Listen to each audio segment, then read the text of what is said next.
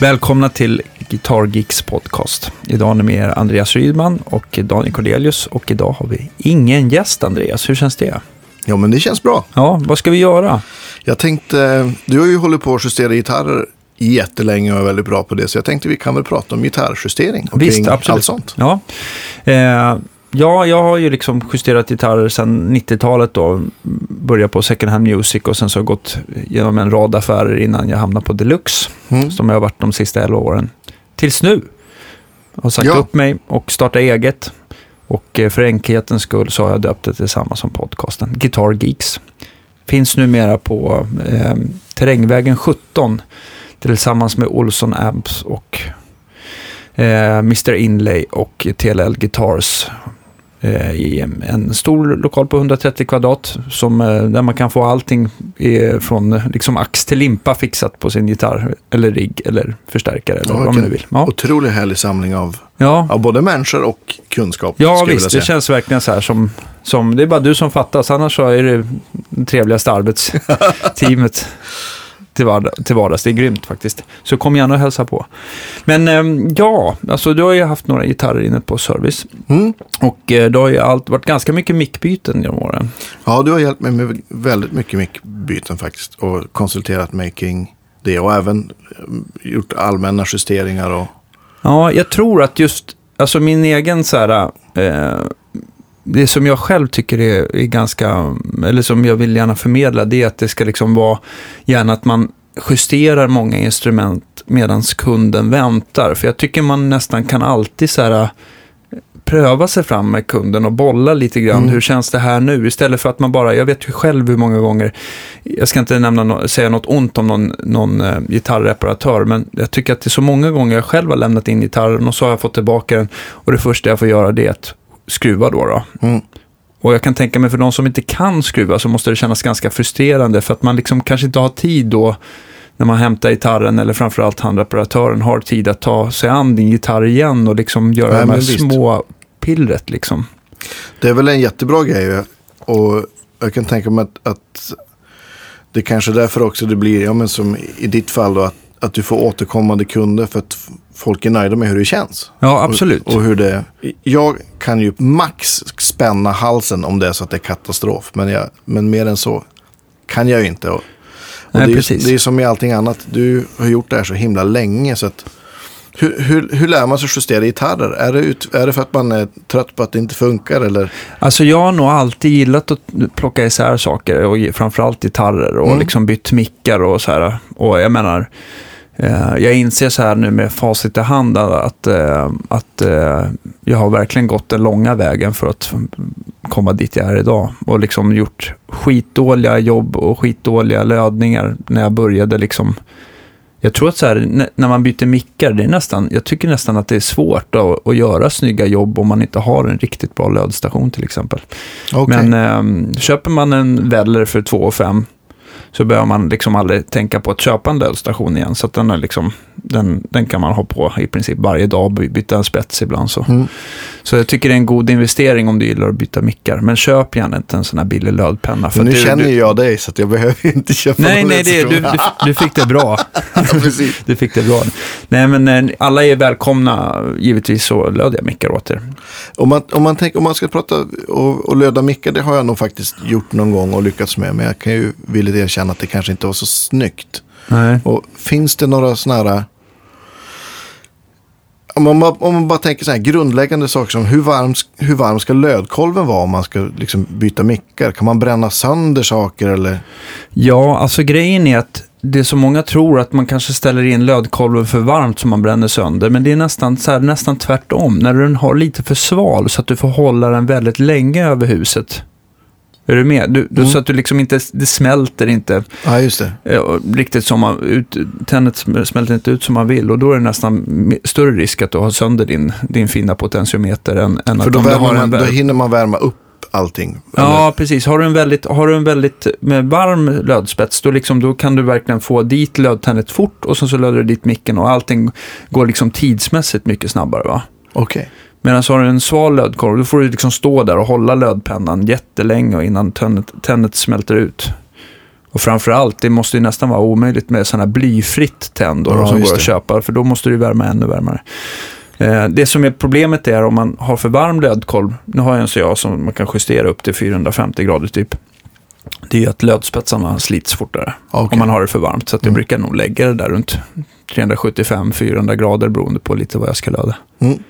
Och sen så givetvis en bred trubbig lödspets, den värmer ju bättre på, på en större yta, typ där man ska löda jorden då på en, på en, på en stratamick. Ja, Eller, det. eller så. Eller Mm. jämfört med om man är väldigt spetsig så är det ju bra om man ska löda på eh, det, kretskort. Så att det, ibland är Just det, det. bra att ta fram så att man har två pennor bredvid varandra beroende på om man ska växla Så att mycket. du har olika om man löder på den här lilla öglan eller om du ska löda fast.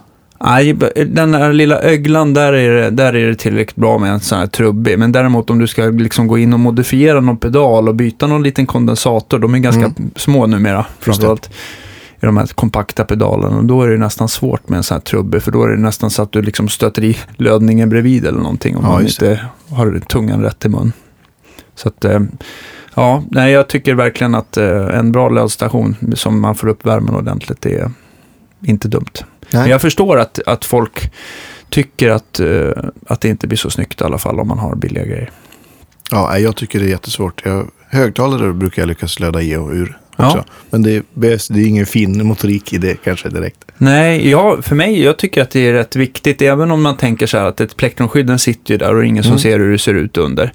Men just den här feelgood-känslan av att det är rent och snyggt och, och, Ja, men och bra gjort och, och minimal eh, risk för att det ska liksom börja strula och sådär. Det, det, är- det är en känsla jag vill gärna göra i alla fall. Att det är liksom när man lyfter ett plektrumskydd för mig.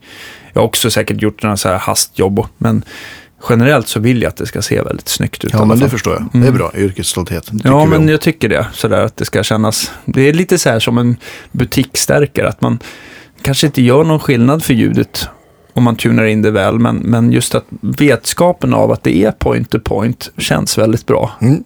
Det gillar vi. Ja, eller hur? Ja. Ja, men liksom. Att det, ja. Ehm, fast jag tror att det där med point to point egentligen, det är väl nog mest för, för reparatörerna att det ska vara liksom lite mer lättservat än vad Ja, just det. Eh, och det stryker, är lite mer stryktåligt också vad jag förstår Mm. det som. Men, Vi, Men- eh, mm. om, vi, om vi byter från gitarrmickar kan vi ju prata om och potentiometrar hur länge som helst. Men om man går mer åt själva instrumenthållet. Om man då tänker nu är det ju, ja, det är, nu är det ju vinter.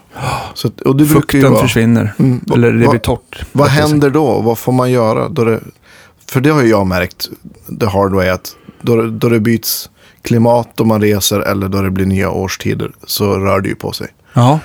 Och det där kan du, du som är ute och reser väldigt mycket, eh, kan ju absolut märka när du liksom har landat och sådär. Och, och du tycker att du hade en perfekt justerad Mm. gitarr när du åker så här års, till exempel till Holland eller jag vet inte. Mm. Det finns ju många ställen som har högre luftfuktighet än Sverige just idag i alla fall. Eh, så, och framförallt är det när, vi, när verkligen snön lägger sig, då märker man att då, då går det ju ner klart under 30 procent eh, ute, nästan neråt 20.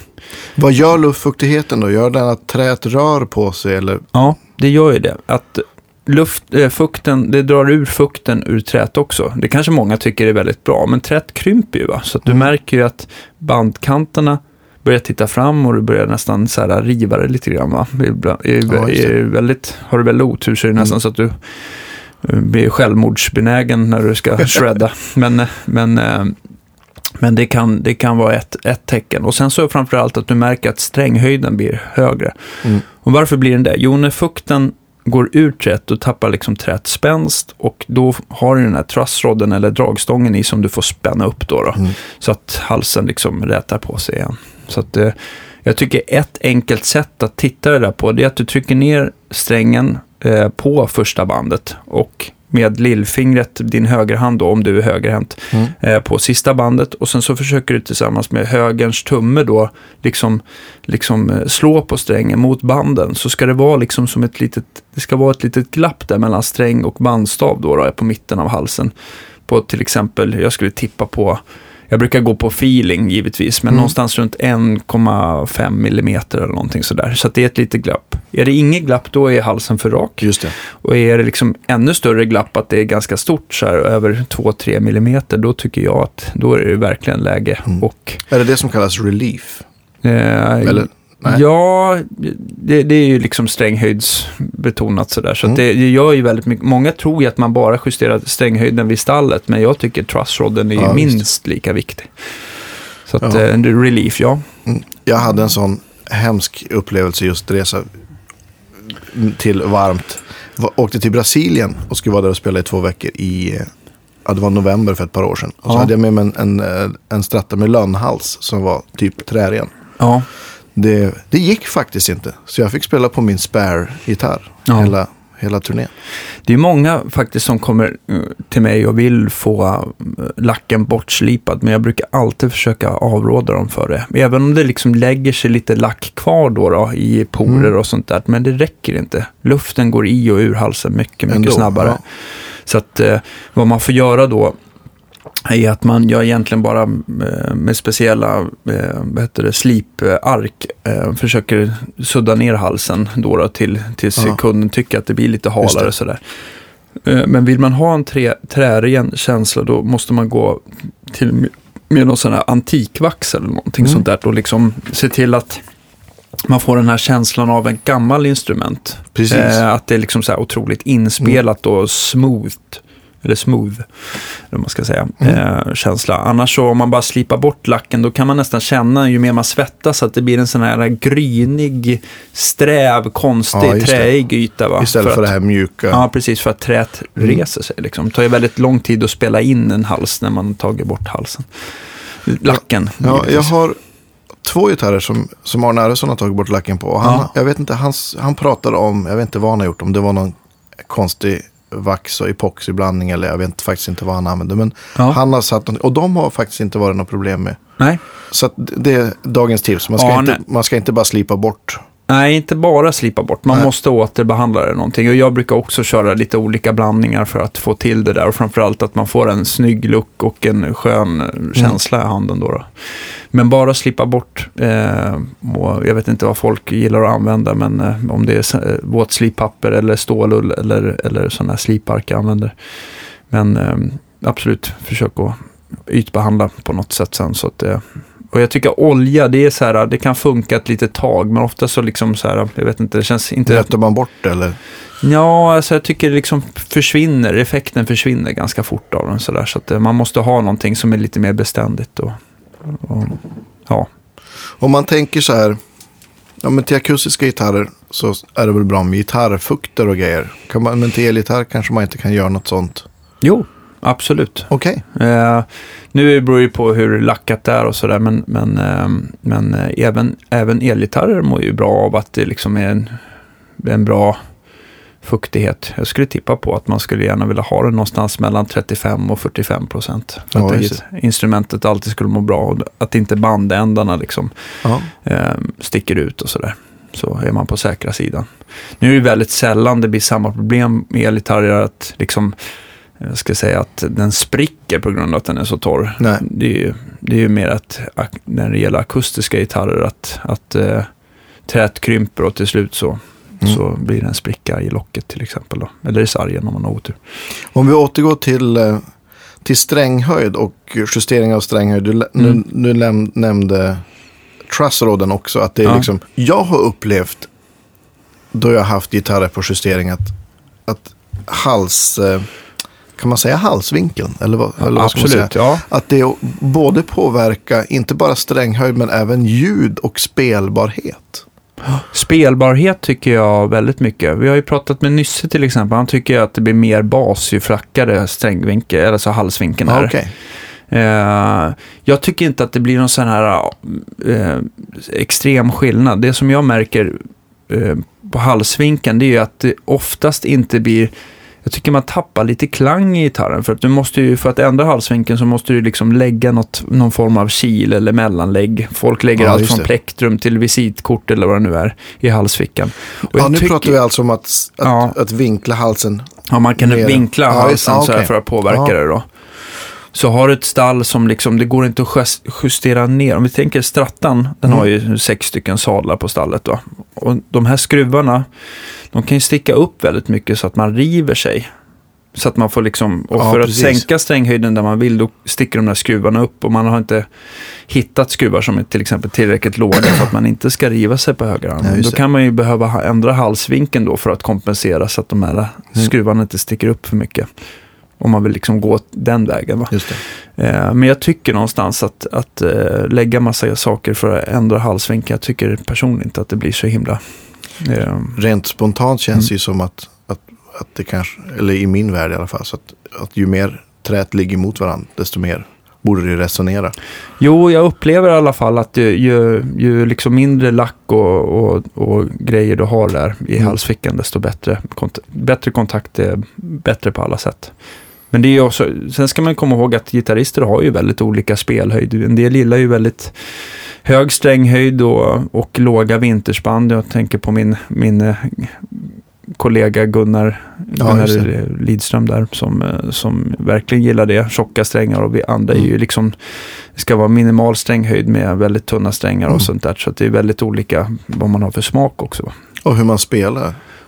Ja, absolut. Ja. Spelar man väldigt hårt med, då vill man ju också oftast ha lite högre stränghöjd för att det inte ska bli för rassligt och skorrigt. Liksom. Eh, om man tänker på själva alltså, vin, vinkeln på halsen som ställs av trussrodden. Hur, hur påverkar Ja, den ljud? Och, Jag, eller tyck, det kanske jag inte- tycker, eller ja, man kan säga att det ställer halsens vinkel, men egentligen Ja. jag tänker på halsvinkeln när man pratar om det, det är ju hur halsen lutar förhållandevis till kroppen. Ah, Okej, för jag, jag tänkte nog mer på... Men du tänker nog Jag bara tänkte med, mer på alltså, hur... hur böjd den är. Eller vad? Ja, du Ja. tänker så hur trassråd, eh, Mm. som vi pratade där, man håller ner första och sista band och tittar. Det är ju många som, det är många som eh, också tittar på, på en hals, och det är också väldigt bra att göra om man kan det. Men det är, rätt att bli, lätt, det är lätt att bli lurad också av att titta en hals i, till exempel i motljus och försöka titta längs med den. Om man Mm. liksom håller upp den och tittar från stallet. Så.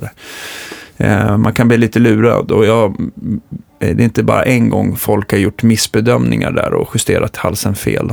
Till exempel. Så att jag tycker att det här att hålla ner första och sista band och, och knacka Ja, med just det. tummen är liksom en liten, det är en enklare sätt att, att se hur halsen mår. Mm.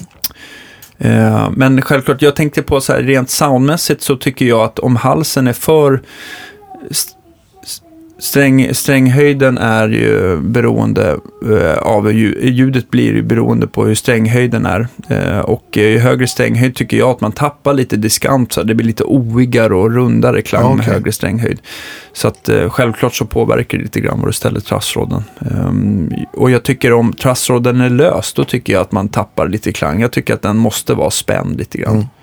Man kan nästan känna att den, när den är med, att den börjar ta emot lite grann. Så. Att det ger någon typ av spänst. Ja, Och- jag tycker det. Det känns som att eh, gitarren blir lite rappare och piggare. Mm.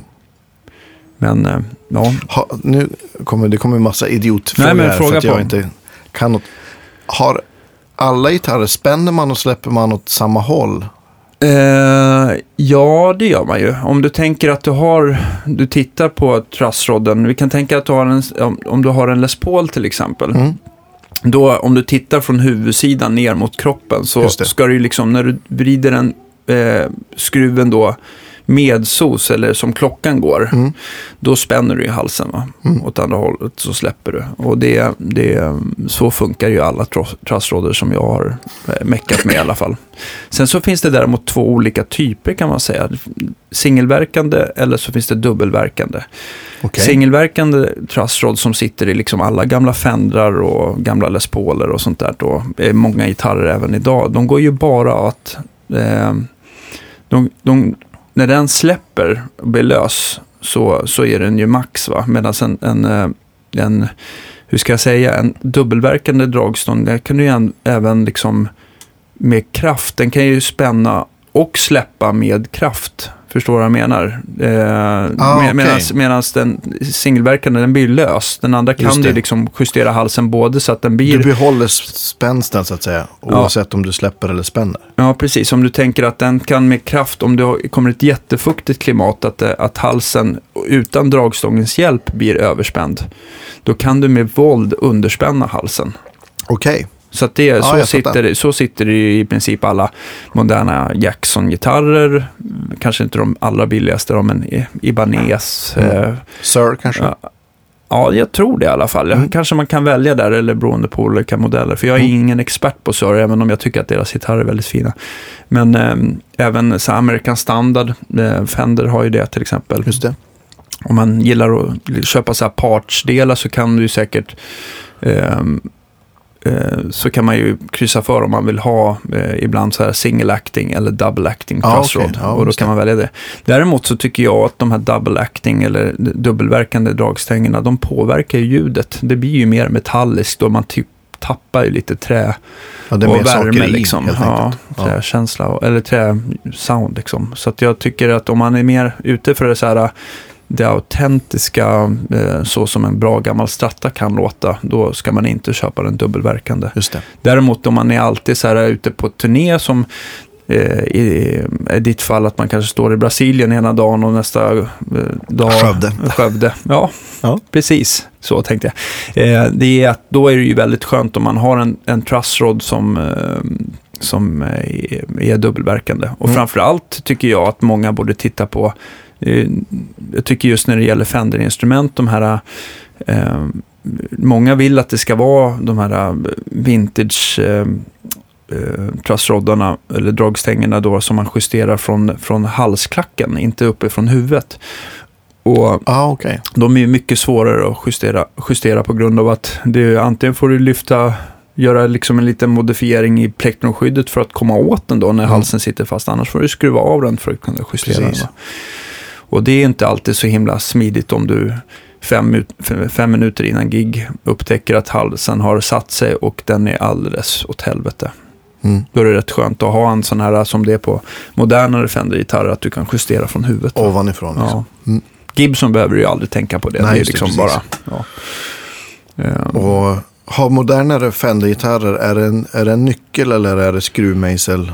eh, nej, det är en insektsnyckel. Det är Mm. någon tumstorlek som jag inte vet, men eh, i alla fall på Mm. Amer- American Standard och de där, då är det en Mm. tumstorlek.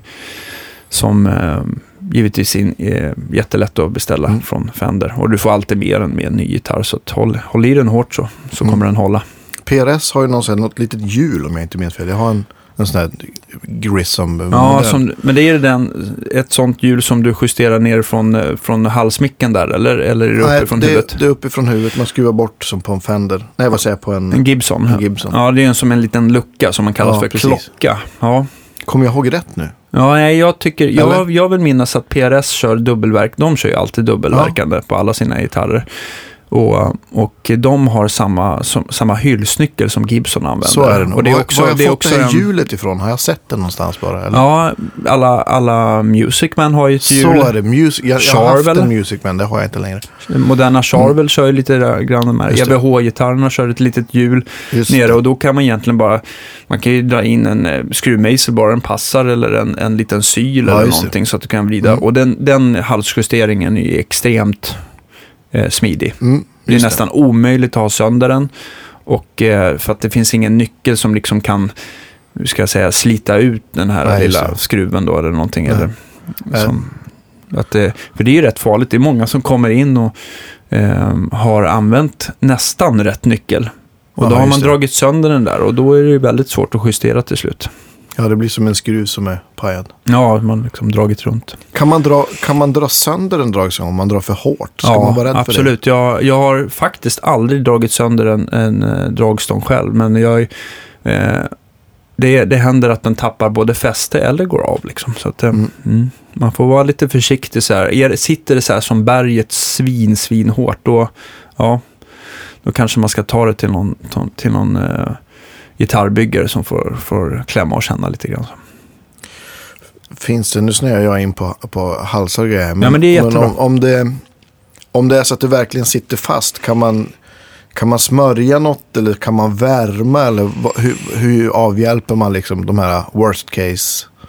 Absolut, det går att värma halsar och då lägger man ju det som ett, man spänner fast det i som en, liksom, som en slags, påminner om något, eh, ett järn som är liksom lika långt som hela greppbrädan. Okej. Och sen så lägger man mellanlägg då och sen på en, en värme som gör att banden inte och lacken inte liksom släpper eller någonting sådär. Mm. Så att det är varmt men man lägger den i motspänn och, Just det. åt det hållet man vill att den ska dra åt. Då, då. Och sen så får den ligga så i ett ganska långt tag. Nu pratar jag inte dagar men liksom över, över natten brukar Mm. Ja, jag ha dem.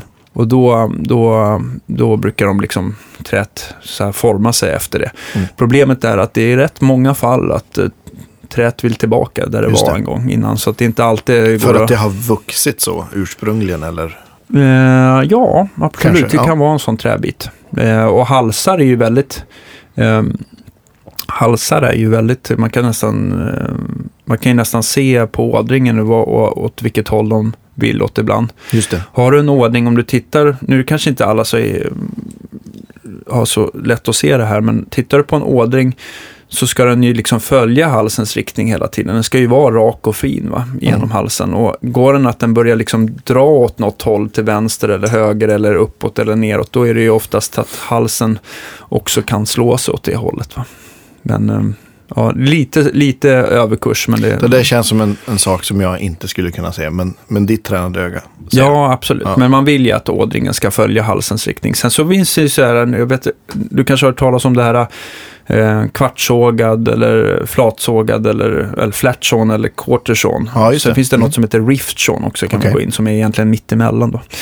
Eh, om du säger att du skruvar av din strattehals och sen så håller du den från, eh, från halsklacken i din hand och så, så håller du den framför dig och tittar längs greppbanden upp mot huvudet sådär. Mm. Så kan du se ådringen, de står upp då. då till skillnad Ah, för banden, att de ligger, bandstavarna ligger ner Mm. säger vi, och ådringen står upp, då är den kvartssågad. Och är den att ehm, eh, ådringen följer då band, hur bandstavarna ligger, då är den flatsawn, eller flatsågad. Och rift cut, eller riftsawn, då är det alltså att den är liksom mer snett då, då, att det är typ 45 grader. Och det finns säkert en massa teorier om vad som är bra. Ja, oh ja, oh ja. Alltså, jag, folk, du, får ju ut mindre trä om du ska liksom bara ta ut kvartssågat trä Mm. ur, ur en stock. Va? Eh, och, eh, så folk betalar ju extra för att få kvartsågat. Det jag har märkt då, i alla fall när det gäller stratter, jag tycker kvartsågade halsar, de blir lite brightare i min uppfattning Okay en fl- flatsågad. Nu är det så här, det här är ju egentligen spekulationer jag har. Jag tycker bara att jag, det, det enda bevismaterialet jag har, det är ju en erfarenhet att jag har känt på så jäkla många gitarrer Ja, och skruvat på dem och bytt halsar mellan kroppar och sånt där. Och Och försöka komma titta fram. liksom. Utan det är ju inte så att jag har en hals som är byggd från exakt samma bit, eh, bara att den ena är eh, quarter och den andra är flatsawn. Så att det är igen, och med samma typ av trussrod och det är massa saker som kan påverka Mm. ljudet ändå. Men min, eh, min eh, erfarenhet säger att jag tycker att, att ehm, eh, eh, kvartssågade halsar är liksom, de är lite brightare. Men de har också en liten hake. Många tror ju att det ska vara hårdare. Alltså att halsens alltså, dragningskraft mot strängarna ska bli bättre med, med, med kvartssågade halsar. Och det stämmer i alla fall, utom när det gäller lönn. I min Okej. uppfattning. Jag upplever alltid att de här kvartssågade halsarna, nu kommer jag säkert få massa mordhotsmail och sånt där. Men, nej, men, Det jag nej, det tror jag inte heller. Men min uppfattning är i alla fall, just när det gäller kvartssågade lönnhalsar så tycker jag att det blir mjukare istället. Okej. Ja, jag vet flera gitarrbyggare som håller med mig och flera som inte heller håller med mig. Så det, är, det känns lite som två läger, även Ja. om vi inte bråkar så mycket. Men, Det, men, är, eh, det är men Bayern och Djurgården, eller AIK och Djurgården där. nej, inte ens så allvarligt. Nej, nej, okej. nej. Eh, Jo, då, förlåt. Bandidos och Hells Angels skulle Ja, okej. Ja, det blir bra.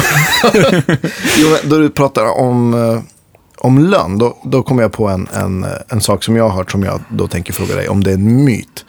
Att, att eh, ju flammigare en lönnhals är, ju mjukare är den i träet. Mm. Är det så? Flammighet är egentligen en sjukdom i träet. Aha, okej. Och det, är, det, är in, det blir inte, det blir ju vackert, jag håller Mm. med dig. Och lite lönn, äh, flammighet i en lönnhals så är det väl torkat och sådär, det är inga problem. Nej. Men jag har stött på jättemånga halsar som har problem. Och då har de eh, kan, eh, många flammiga halsar är, är ja, strular helt enkelt. Det var en sån gitarr jag hade med till Brasilien. Ja, det kan vara hopplöst. En sån som Ja. är olackad flammer, mm. lönnhals.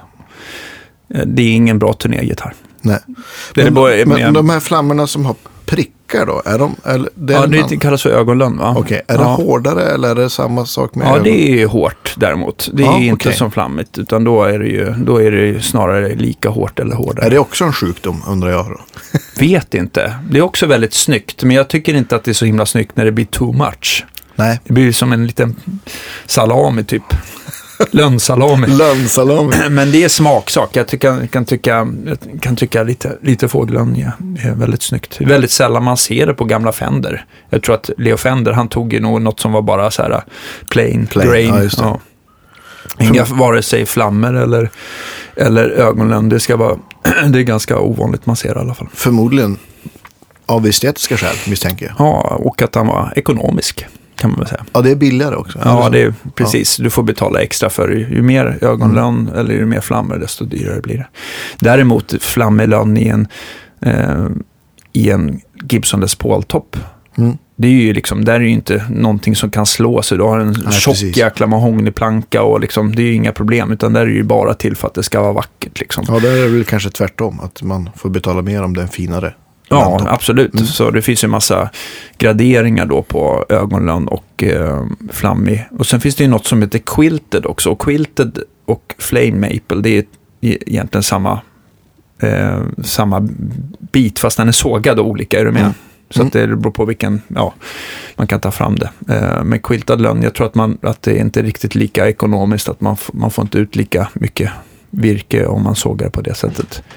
Men jag kan återkomma om det när jag har pratat med en, med en, eh, en kille som gärna sågar i lönn mer. Så, Ja. så för att, eh, Om jag tänker så här, om, om du ska ge några så här enkla tips för, eh, på gitarrjusteringstips. För jag, jag har ju märkt, eller det har säkert alla ni som lyssnar också, att om ni inte har det så är det mitt tips.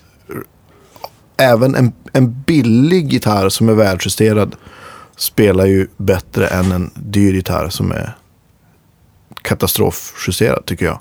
ja, absolut. Jag tycker det kan finnas, jag har blivit chockad många gånger. Folk kommer med så jäkla fina gitarrer och sen så liksom, men de har inte brytt sig någonting om vare sig att justera den eller byta strängar och de känns, de känns som helt nya instrument efter man har gått över dem. Men, Mm. en, men även en billigare gitarr kan man ju justera så att den blir jätte, jättemycket bättre och skitskön. Mm. Så att, eh, ja.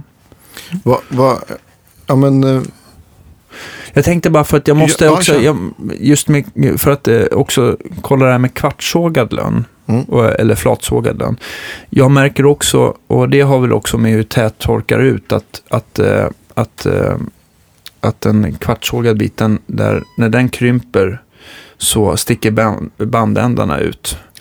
Medan okej. den krymper åt andra hållet, så det är Då- inte riktigt samma. Det kan även komma fram lite bandändar där också, men den sjunker eh, men lossna hela bandet då på dem, eller? Nej, de är inte så att de lossnar eller något. Det har inte Ja, det bara- problem med, utan det är bara att band när, i fukt, med fuktigheten när det torkar ut, va? Ja. så är det ju inte, liksom bandet är ju, den, har ju, den påverkas ju inte av, av luftfuktigheten Nej. eh, som träet gör, utan den, träbiten när den torkar ut så krymper den lite grann. Och då tycker jag att det blir mer eh, slipa bandändar på kvartssågade halsar än flatsågade halsar. Har jag lärt mig kvartssågat och flatsågat Ja, idag. mm. och Mm. rift. Och rift cut också. Ja. Ja. Det är spännande. nästan det vanligaste om man tittar Ja. på Fender. Så där, Just riftcut. Ja. Och jag tycker så här. Eh, jag, förutom att jag kommer fram till att jag tycker att det är lite, blir lite brightare och ljusare med, med kvartssågat så, så finns det lika många, eh, jag har hört gitarrer som är kvartssågade som är jätteluddiga och tvärtom. Va? Så att det, man ska inte liksom, jag tycker inte man ska liksom vara objektiv och bara titta på spesar och hur det, hur det borde vara, utan lyssna på gitarren. För det finns väldigt många undantag kan man Ja, säga. men träbitar är väl Ja. små personligheter också på något vis. Ja, och sen säga. så är det så kul med halsar, eller frustr- frustrerande också, att vissa halsar de kan låta skit tillsammans med en kropp. Mm. Och sen så låter den helt fantastisk med nästa, så det handlar mycket om matchningen där också mellan Mm. vad det är för liksom resonans i kroppen och kontra halsen, hur de samarbetar. Liksom. Så en lätt hals brukar bli lite basigare och faddare tycker jag.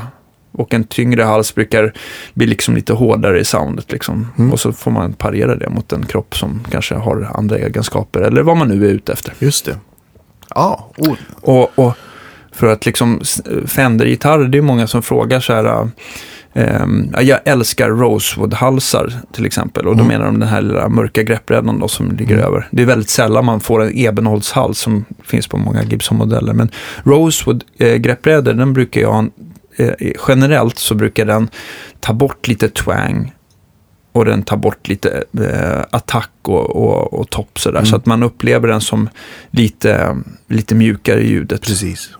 Sen så eh, är det ju många som gillar att spela mot Rosewood. Du, får, du behöver ju inte lacka Rosewood. Va? Den är ju så fet liksom, eller kodig sådär. Så att den kräver ju bara lite, en liten omgång olja ibland så, så mår, den, mår den bra. Mm. Så att, eh, ja. Då, vi, då vi är på, på greppbrädor då, så, Mm. så greppbrädsolja, hur, hur ska man tänka där?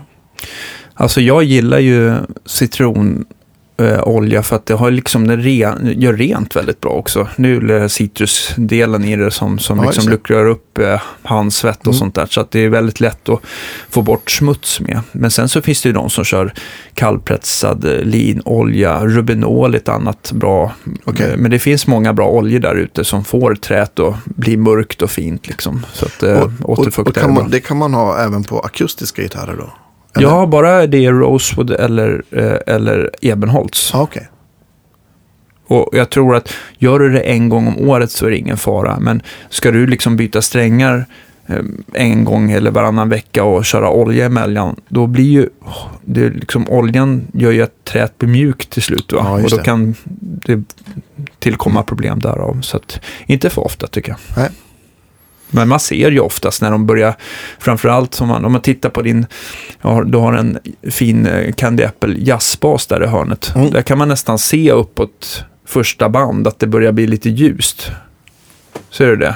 På träet där. Ja, faktiskt. Eh, och där kan man se att den eh, antagligen skulle bli väldigt mycket mörkare och eh, ja, dags att olja in helt enkelt. Kanske ska skicka med den där till dig då. Ja, absolut. Så, så, får den lite ordning. kärlek. Ja, och sen så, eh, nej men som bara Ebenholts och Rosewood. Du ska inte, även om det är en olackad lönnhals så, så blir det ganska grått och fult. Eh, det blir inte den looken man vill ha på en, på en, på en lönnhals med att olja in den helt enkelt tycker jag. Nej. Då tycker jag en vaxning är bättre, för en vaxning, den, om man kör rätt vax eh, så, så liksom lägger det sig mera, det påverkar inte nyansen i träet lika mycket som en olja. Den kan nästan göra att det bara blir gråare och gråare. Ja, just det. Jag gillar ju inte, inte för hårda lackade halsar.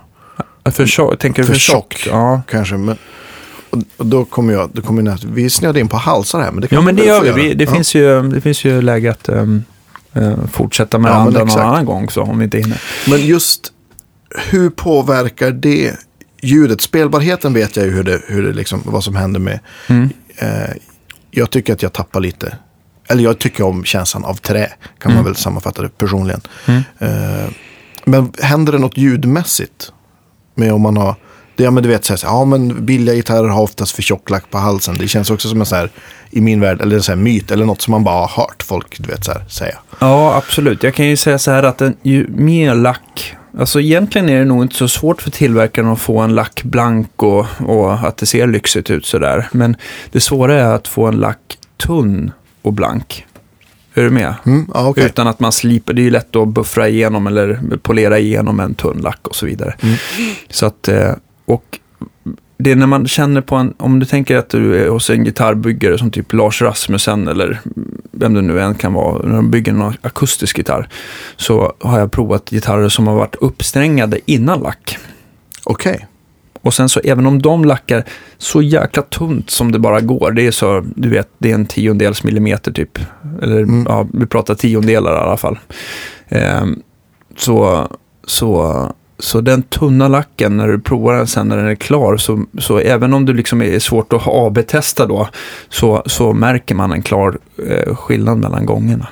Ja, spännande. Och Det- då lackar de väldigt tunt. Så att jag kan säga så här, en tjock lack och framförallt plastlack, det blir nästan som att det blir som ett, eh, en, en du tejpar in träet på något sätt. Sådär. Så det. det. Det, blir, det, det får inte möjlighet att resonera lika väl. Så att jag tycker att en tjock lack är, ja, Och, och, Påverkar eh, negativt. Och eh, på billigare gitarrer är det väl i, reg- i regel plastlack också. ja det är nog så här polyuretanlack liksom. Och det är fr- framförallt, har ju det med att cellulosa som är ganska vanligt annars då, det är att det har en möjlighet att eh, det tar tid innan det härdar och du kan börja polera det på fabriken.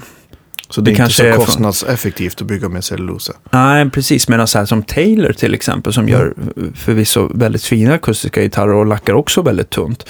De använder ju en lack så där du kan liksom UV-behandla den. Och den är liksom efter den här UV-behandlingen, nu pratar vi minuter, så är den polerbar. Jaha, okej. Så att jag har varit eh, på, hos Taylor eh, och, eh, och liksom eh, skrivit med en eh, tusch på gitarren så här. Ja. Och sen så duschat över ett par, tre gånger. Och sen så UV-lackning. Och sen så eh, buffra upp det då. Eh, alltså UV-lampa emellan då och Ja. sen så buffra. Och det, det känns liksom, man kan inte känna eh, skarv eller att det, eh, att det känns annorlunda det nylackade partiet. Utan det, Ja, det har verkligen härdat på en Ja. gång alltså. Så att eh, jag giglar ju känslan av cellulosa och det, den slits på ett väldigt, den får en väldigt snygg patina och sånt Mm. där. Men jag tycker man inte ska så här, äh, jag tycker inte man ska idiotförklara de här äh, modernare lackerna bara för att liksom, utan det beror på hur det är gjort. Liksom. Ja, nej, men och det är väl... Jag, jag gillar ju folk som, som tänker ett steg till och vill hitta på egna lösningar. Det tycker Ja. jag är inspirerande. Ja, sen så finns det ju källack, det är en annan, så här som man, på det sättet som du, du liksom, vad ska jag säga, det är inte så här, jag börjar tänka på Karate Kid, det är ju fransk polering, Ja, det. här, hand- wax on, wax off. Ja. Principen lite grann, om man Ja. bara enkelt förklarar. Eh, Det är en annan typ, man måste röra eh, med den här speciella duken då i, ett, i en viss hastighet för att det inte ska, för att liksom massera in lacken då. då. Mm. Och källack blir också väldigt hårt och det blir väldigt torrt och ska då påverka resonansen i träet minimalt då. Just det. Många säger mindre än cellulosa, men det är också vad jag har förstått eh, känsligare. Sen finns det oljefärger som en del använder och det är ännu mer så här eh, stöttåligt, eller inte stöttåligt, tvärtom att det är Känsligt. Ja, känsligare. Liksom, sådär. Men det ska också påverka ljudet väldigt, väldigt lite. Så det, finns, eh, det finns flera finns en sätt cellul- Det känns som att vi måste, måste ha någon gitarrbyggare som gäst här snart. Ja, oh ja. så kan Det, vi det ska nörda vi, om sådana här saker. ja, absolut. Det finns rätt många. Jag, jag, tycker, jag, tycker, jag har ju stor respekt både för Arne Arvidsson och Hasse Larsson på Adlib och sådär. Så det vore roligt att ta någon sån reparatör också. Sådär. Ja, de är skulle vara roligt gäster. att höra lite, eftersom de har hållit på så länge så är det roligt att hålla på och lyssna på deras anekdoter. Såhär, Ja, på men skräckexempel, Mm. skräckkunder kanske. Behöver inte nämna dem vid namn. Men det, ja, det finns ju sådana med. Det kanske helt enkelt, det vore kul att träffa de här herrarna Ja, i, i sina verkstäder till och med. Absolut. Mm. på, på studiebesök helt Ja, men enkelt. precis. Det tycker jag låter som en bra. Ja. Sen så äh, tänkte jag på att äh, till nästa program så, så ska vi försöka gå vidare lite grann. Nu har vi nördat väldigt mycket om halsar och sådär. Ja. Men kan prata om greppband eller äh, Ja, men visst. var vi nu tar vägen Ja, någonstans. men det är jättebra. så- För, att- för att avsluta lite Ja. då, så när, när kan man åka och hälsa på dig och dina nya kompisar? På- Ja, de, Tobbe och Magnus de flyttade in i februari. Eller i slutet av februari, nästan mars då. Så att Mm. the grand opening av hela butikdelen och allting blir nog först i mars. Men jag är ju där och om man vill ha sin gitarr justerad så är det bara att glida förbi terrängvägen. Så, Perfekt. så, så se vad jag kan hjälpa dig med. Det låter jättebra. Mm. Men, eh, ja, men eh, tack för idag, säger jag. Ja, tack Så- själv. Och, Ja. och har ni några liksom, frågor där, skriv gärna på våra Facebook eller mejla at info at, eh, eller podcast at guitargeeks.se. Ja. Det är bara kom med, med feedback och gästförslag. Och, ja, precis. inga frågor är dumma frågor. Nej. Efter, efter att ha hört mig fråga saker idag så är ju det ett bra Ja, då får bevis. folk eh, Ja. oerhörd eh, liksom, självkänsla och eh, självförtroende. Nej då, jag skojar bara. Men det var en väldigt bra fråga tycker jag. Ja, tack. Vi, eh, vi ses nästa vecka hörni. Ja, det gör vi. Ha Nästa bra. torsdag. Hej då. Hej hej.